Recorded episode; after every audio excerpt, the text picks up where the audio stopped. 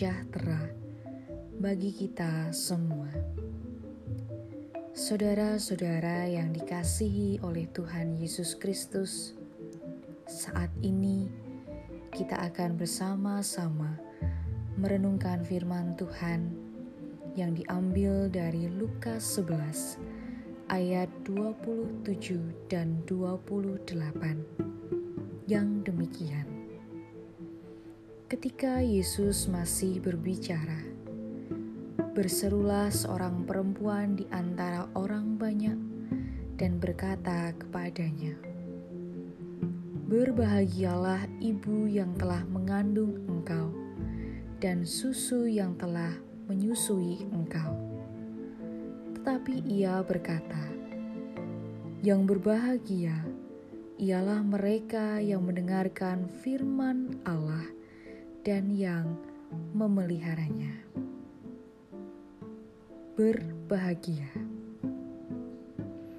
Apakah saudara saat ini sedang bahagia?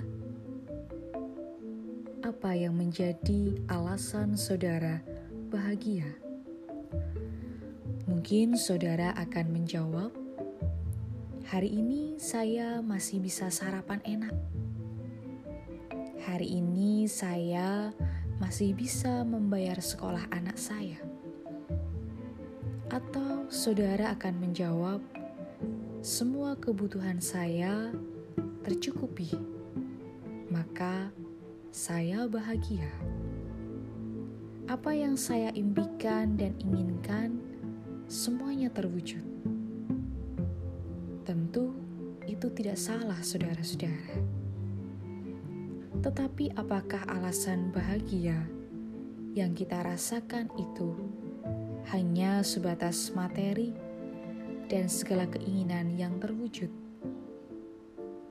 Bacaan kita saat ini menjelaskan bagaimana Yesus membantah pernyataan seorang perempuan yang mengatakan kepada Yesus bahwa takaran kebahagiaan dilihat dari apa yang ia miliki, yaitu ketika melihat Yesus. Dari siapa Yesus dilahirkan? Ia dilahirkan dari seorang perempuan yang sukses, yaitu Maria.